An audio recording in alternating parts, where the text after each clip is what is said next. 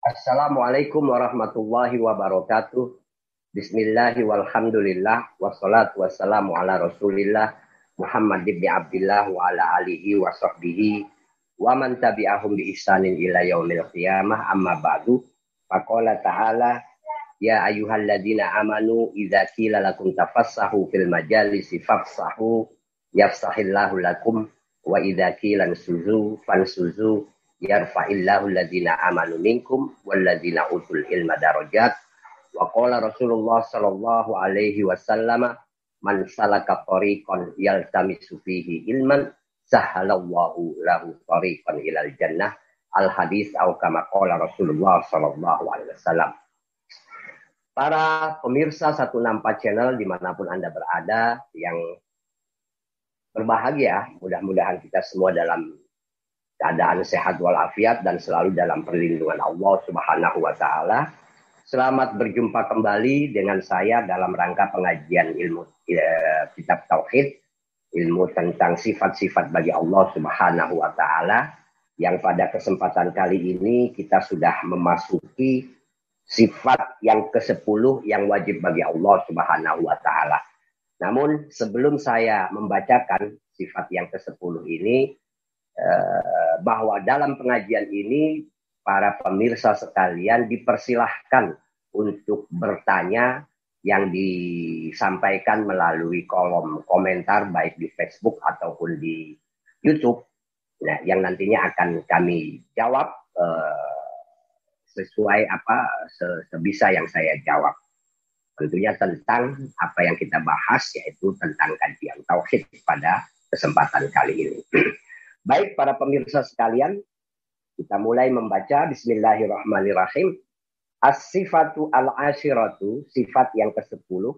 Al-wajibatu, yang wajib lahu ta'ala bagi Allah subhanahu wa ta'ala. Apa sifat ke-10 yang wajib bagi Allah? Al-hayatu, yaitu hidup. Jadi hidup ini sifat wajib bagi Allah subhanahu wa ta'ala. Wahia sifat hayat itu sifatun merupakan sifat lahu ta'ala bagi Allah subhanahu wa ta'ala azaliyatun yang bersifat azali ya Allah itu hidup sudah dari zaman. Tidak ada awalnya gitu. Itu azali itu tidak ada awalnya artinya. Dari dulu sudah. Maujudatun yang ada sifat azali sifat-sifat hayat itu bersifat azali dan ada. Tusohihu uh, yang membuat uh, atau me, me, menjadikan liman komat bihi al liman komat bagi orang komat yang apa nama sifat hayat itu bihi ada pada orang itu yang membuat sifat eh, yang dengan sifat hayat itu orang yang memiliki sifat hayat hayat itu. Dalam hal ini Allah yaitu zat. Al, apa yang bisa al-idrok. Al-idrok itu artinya menyadari sekitarnya. Gitu loh. Artinya kalau tidak hidup ya nggak mungkin kayak kita ini kalau tidak hidup manusia mati ya sudah manusia itu tidak akan menyadari apa yang ada di sekitarnya dia sudah tidak bisa melihat dia sudah tidak bisa mendengar dia sudah tidak bisa bicara mencium dan lain sebagainya jadi itu sahihu liman komat bihi al idrok jadi dengan sifat hayat ini Allah atau zatnya Allah itu memiliki kemampuan al-idrak. Kalau tidak hayat, maka tidak ada al-idrak. Al-idrak itu menyadari di sekitarnya dan dengan kemampuan-kemampuan lainnya. Aitu sahihulahu, yaitu sifat hayat itu membuat orang orang yang hidup ayakuna mudrikan. Dia menjadi mudrikan, menyadari lil asyai terhadap segala sesuatu yang ada di sekitarnya. Kalau orang mati ya sudah, dia tidak akan menyadari lagi. Namanya orang sudah mati. Kalau orang hiduplah yang bisa menyadari apa yang ada di sekitarnya. Ai aliman, yaitu artinya dia mengetahui bihako, bihaki kotiha dengan kehakikat segala sesuatu. Wasamian dan dia juga bisa mendengar biha dengan sifat hidup itu. Wabasiron dan dia juga bisa melihat biha dengan hidup itu wahayatuhu tapi ingat di sini dijelaskan dengan sifat hayat itu Allah menjadi mengetahui segala sesuatu dengan hakikatnya secara hakiki gitu loh. Di Allah juga maha melihat karena hidup, Allah juga maha mendengar karena hidup. Seandainya Allah tidak hidup, tidak mungkin Allah mengetahui, tidak mungkin Allah bisa mendengar, tidak mungkin Allah bisa melihat. Wah, akan tetapi wahayatuhu tetapi hidupnya Allah itu laisat biruhin bukan dengan roh. Artinya apa? Kalau manusia hidup itu dengan roh. Seandainya ruhnya sudah tidak ada, maka manusia itu mati. Nah, sementara hidupnya Allah subhanahu wa ta'ala ya di zatnya itu dengan zatnya itu sendiri. Bukan karena ada ruhnya. Kalau ruhnya hilang maka Allah mati tidak. Tidak sama karena Allah itu berbeda dengan makhluk. Walaisat wahayatuhu dan hidupnya Allah itu laisat biruhin tidak dengan. Bal, bahkan hayatuhu hidupnya Allah itu lidatihi karena zatnya itu sendiri. Ay min ghairi wasitotin. Tanpa sebab, tanpa perantara. Kalau kita hidup ini ada sebabnya, ada perantaranya. Apa? Ya ruh kita. Kalau ruh kita hilang, maka kita meninggal dunia. Itu fakta. Sementara Allah Subhanahu wa taala hidupnya tanpa ruh karena yang hidup dari Allah itu adalah zatnya itu sendiri. Jadi sifat hayat, sifat hidup Allah ya zatnya itu sendiri. Ada pada zatnya itu sendiri. Tidak dengan roh hidupnya Allah itu. Ai min ghairi syai tidak dengan perantara apa pun. Wasitati syai'in zaidin tidak meng, tidak dengan perantara apa pun yang bersifat tambahan. Alaiha pada zat. Karuhi seperti ruh yang merupakan tambahan bagi manusia. Ruh itu tambahan. Andai ruh itu tidak ada, maka manusia itu mati. Falida oleh sebab itu, layak tarihi tidak akan terjadi pada zatnya Allah. Apa yang tidak akan terjadi? Al-mautu, mati. Karena Allah hidupnya itu bukan dengan ruh gitu loh. Sehingga Allah itu tidak akan tidak akan mati. Berbeda dengan manusia atau binatang dan lain sebagainya. Itu hidup dengan perantara. Sementara Allah itu tanpa perantara. Kita manusia hidup karena ada roh. Nah kalau roh kita mati, roh kita pergi, maka kita mati. Begitu juga binatang, sapi, dan lain sebagainya. Hidup karena memang ada perantara lainnya. Mekanisme, metabolisme, dan lain sebagainya. Dan juga mungkin kalau binatang tidak punya ruh tapi ada uh, apa namanya ya faktor-faktor non fisik yang ada di dalam binatang itu yang kalau faktor non fisik itu tidak ada maka binatang juga akan mati. Ya faktor artinya semua makhluk itu pasti mati karena hidupnya bergantung pada hal lain. Sementara Allah itu hidupnya tidak bergantung pada apa pun. La ya tarihi al mautu tidak mungkin Datang kepada Allah itu apa yang tidak mungkin datang kematian, al-maut.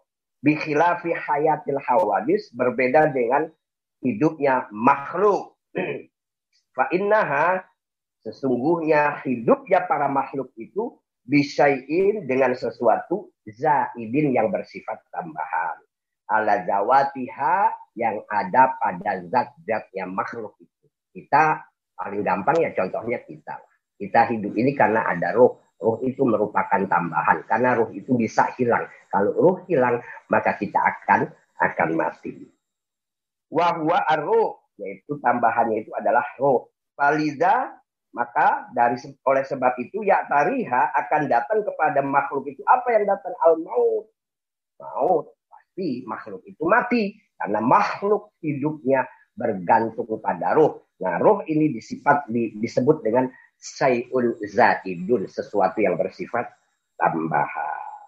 Uh, ya dari al maut wahayatuhu ta'ala sementara hidupnya Allah Subhanahu wa taala laisa laisat muta'alliqatan tidak tergantung bisain pada sesuatu wahya sifatnya Allah atau sifat hayatnya Allah itu sababun akliyun merupakan sebab logis Eh, sebab logis fi sifatihil ma'ani pada sifat-sifat Allah yang bersifat sifat ma'ani yang masuk dalam kategori sifat ma'ani yaitu sifat uh, sifat yang apa nama ma'ani itu potensial apa aktual sifat-sifat aktual. Karena Allah itu, maka Allah itu maha melihat, maha mendengar, maha mengetahui.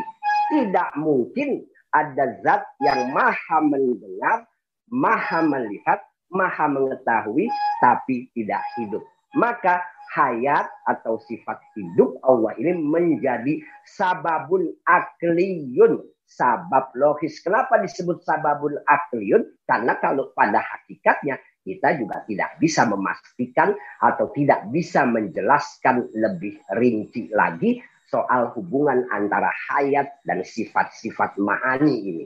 Sifat ma'ani itu adalah sifat yang aktual.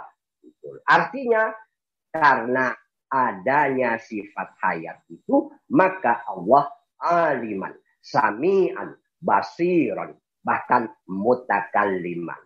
Tidak mungkin tanpa sifat hidup, Allah itu menjadi aliman, menjadi basiran, menjadi sami'an, dan mutakalliman.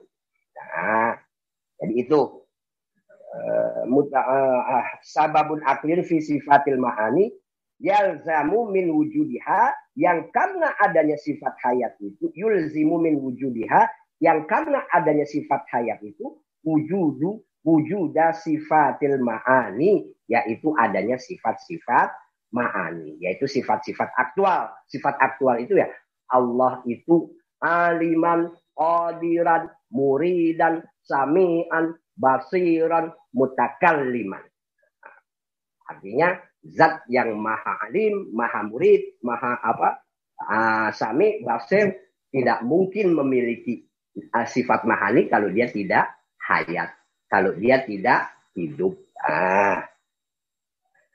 Yulzimu min wujudiha wujuda sifatil mahani ma'adaha wa min adamiha al adam dan kalau tidak ada sifat adam eh sifat hayat maka muridan, odiron, samian, basiron, mutakalliman itu juga tidak mungkin ada gitu loh. Wamin adamiha al adam. Jadi kalau hayatnya tidak ada artinya Allah tidak hidup, maka Allah tidak akan uh, apa namanya punya sifat maha mendengar, maha melihat, maha kuasa, maha berkehendak. Mana mungkin kayak kita orang manusia itu. Ini kan secara logis, secara logis. Makanya ilmu mantek itu isinya sebetulnya adalah ilmu ilmu logika. Secara logis kalau ada orang mati, dia sudah tidak mungkin melihat, tidak mungkin bisa bicara, tidak mungkin bisa mendengar. Orang sudah mati. Dia juga tidak mungkin bisa berjalan, tidak bisa tidak mungkin bisa berbicara, tidak mungkin bisa mengangkat barang-barang dan seterusnya. Intinya sudah tidak mungkin bisa bekerja lagi kalau orang sudah mati. Nah, Allah dengan sifat hayatnya, sifat hayat ini menjadi sabab akli atau sebab logis yang kemudian Allah itu menjadi uh, memiliki sifat-sifat ma'ani. Sifat ma'ani itu adalah sifat aktual. Wadalilu ala subutil hayat. Sementara argumentasi atas adanya sifat hayat lahu ta'ala bagi Allah subhanahu wa ta'ala. Apa argumentasinya? wujudul alam, adanya alam raya ini. Ini bukti bahwa Allah hidup. Gitu. Karena apa? Watarkibuhu susul. Karena begini, tidak zat alam raya ini diciptakan oleh Allah Subhanahu wa taala. Allah itu menciptakan alam raya dengan kekuasaannya. Bagaimana mungkin zat yang menciptakan alam raya ini tidak memiliki sifat hidup? Tidak mungkin. Masa mati tapi bisa menciptakan tidak mungkin. Kita aja manusia kalau sudah mati tidak bisa berbuat apa-apa lagi. Jadi argumentasi atau dalil uh, sifat uh, bahwa Allah itu hidup adanya sifat hayat pada Allah Subhanahu wa taala yaitu wujudul alam adanya alam raya ini. Watarkibuhu uh, susunan argumentasinya antakula Anda bisa mengatakan Iza lam yakun hayyan. Seandainya Allah itu tidak hidup. Lakana mayitan. Maka Allah mati. Walau kana mayitan. Seandainya Allah mati. Lantafa anhu jami'u. Jami'u sifatil ma'ani. Maka akan hilanglah dari Allah segala sifat ma'ani. Apa itu? Sifat ma'ani yaitu tadi Qadiron maha kuasa, muridan maha berkehendak, samian maha mendengar, basiron maha melihat, mutakalliman maha berbicara. Seandainya Allah itu mati, maka sifat-sifat ini juga akan hilang. Gitu loh. Seandainya Allah mati. Jadi seandainya kalau Allah itu tidak hidup berarti Allah mati. Kalau Allah mati, maka tidak ada sifat-sifat ma'ani pada zatnya Allah subhanahu wa ta'ala. Walawin tafa anhu seandainya hilang dari Allah subhanahu wa ta'ala. Apa yang hilang? Jami'u sifatil ma'ani. Semua sifat ma'ani lam yujad syai'un minal alam. Maka tidak ada satu apa pun dari alam raya. Bagaimana mungkin Allah itu menciptakan alam raya kalau Allah tidak memiliki sifat-sifat ma'ani? Apa sifat ma'ani? Yaitu tadi Allah maha kuasa, maha berkehendak, maha mendengar, maha melihat, maha bicara. Dan itu tadi namanya sifat ma'ani ada lima. Seandainya sifat ma'ani itu tidak ada pada Allah, maka tidak akan ada apa pun dari alam raya ini semut tidak ada, rumah tidak ada, manusia tidak ada, binatang tidak ada, bintang tidak ada, bulan tidak ada. Karena tidak ada yang mewujudkan. Kenapa tidak ada yang mewujudkan? Ya karena yang mewujudkan itu harus memiliki sifat-sifat ma'ani itu tadi. Yaitu sifat kodir, murid, sami, basir, mutakalliman. Alim, mutakalliman. Tuh, Seandainya sifat-sifat itu hilang, maka tidak ada apa pun di alam raya ini. Satu pun tidak ada. Lakin akan tetapi ada musyai minal alam. Tidak adanya sesuatu dari alam raya ini batilun adalah batil. Tidak faktual. Bertentangan. Kenapa batil? Li'annahu khilaful hissi. Karena tidak adanya sesuatu dari alam raya ini itu menyulayani. Apa menyulayani itu artinya bertentangan dengan apa yang kita lihat, apa yang kita dengar, wal ayan dan apa yang faktanya. Jadi li'annahu khilaful hissi wal ayan bertentangan dengan faktanya gitu. Faktanya apa? Faktanya alam raya ini ada. Jadi kalau argumentasinya itu dibalik, faktanya alam raya ini ada. Maka adanya alam raya ini pasti diciptakan oleh zat. Zat yang menciptakan itu pasti memiliki sifat ma'ani, yaitu maha kuasa, maha berkehendak, maha tahu, maha melihat, maha mendengar, dan maha berbicara. Eh, ya maha berkata-kata. Maka zat yang memiliki sifat ma'ani ini tidak mungkin mati, pasti hidup.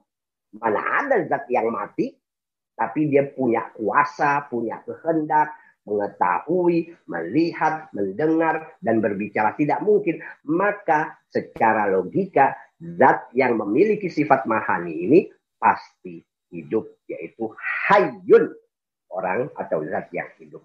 Fabatola maka menjadi batallah atau gugurlah ma'adda ilaihi segala sesuatu yang menjadi apa namanya penyebab atau mengatakan bahwa uh, alam raya itu tidak ada.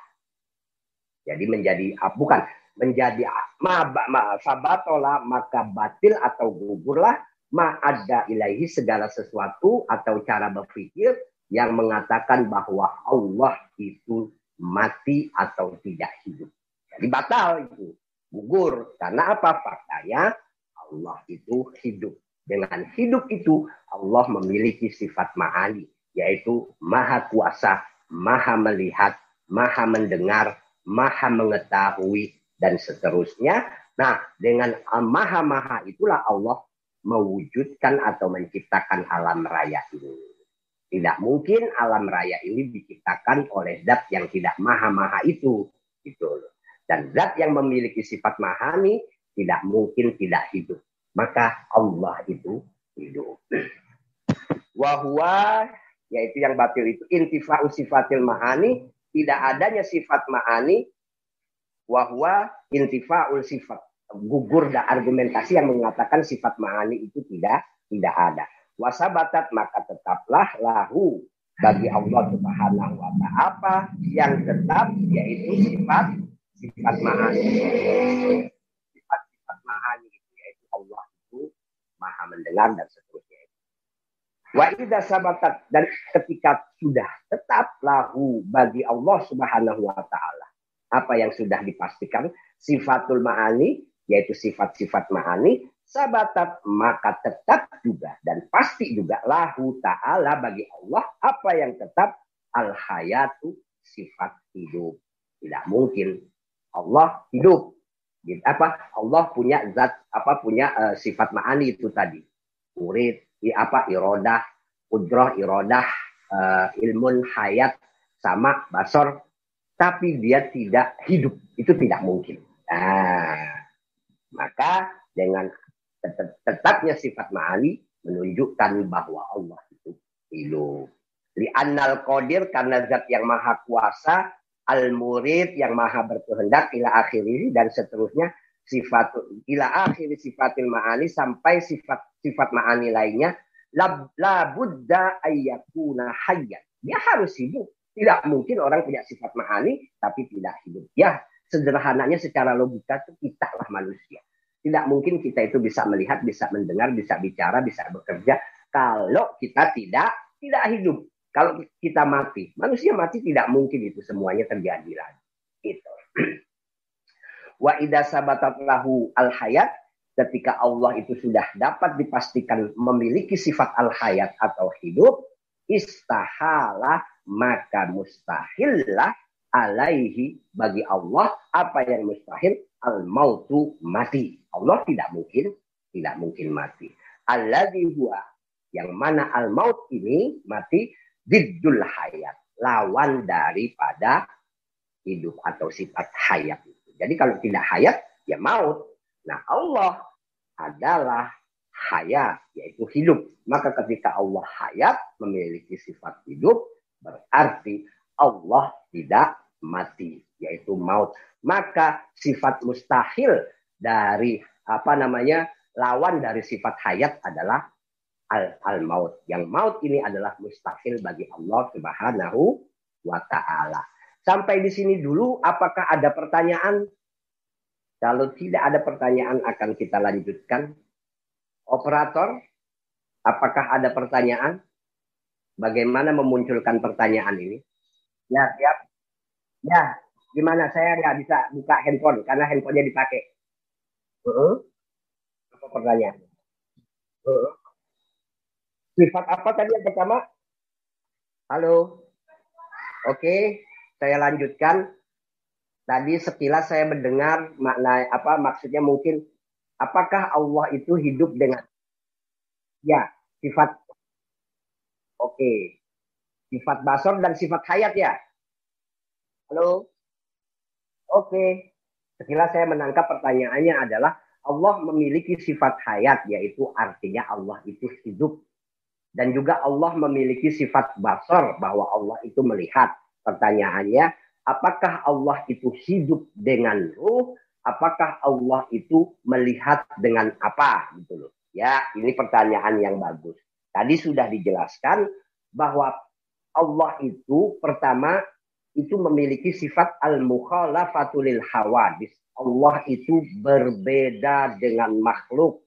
Maka ketika Allah memiliki sifat hayat, di sini ditegaskan hidupnya Allah itu tidak dengan roh gitu loh. Tidak dengan roh karena yang hidup dengan roh itu hanya manusia.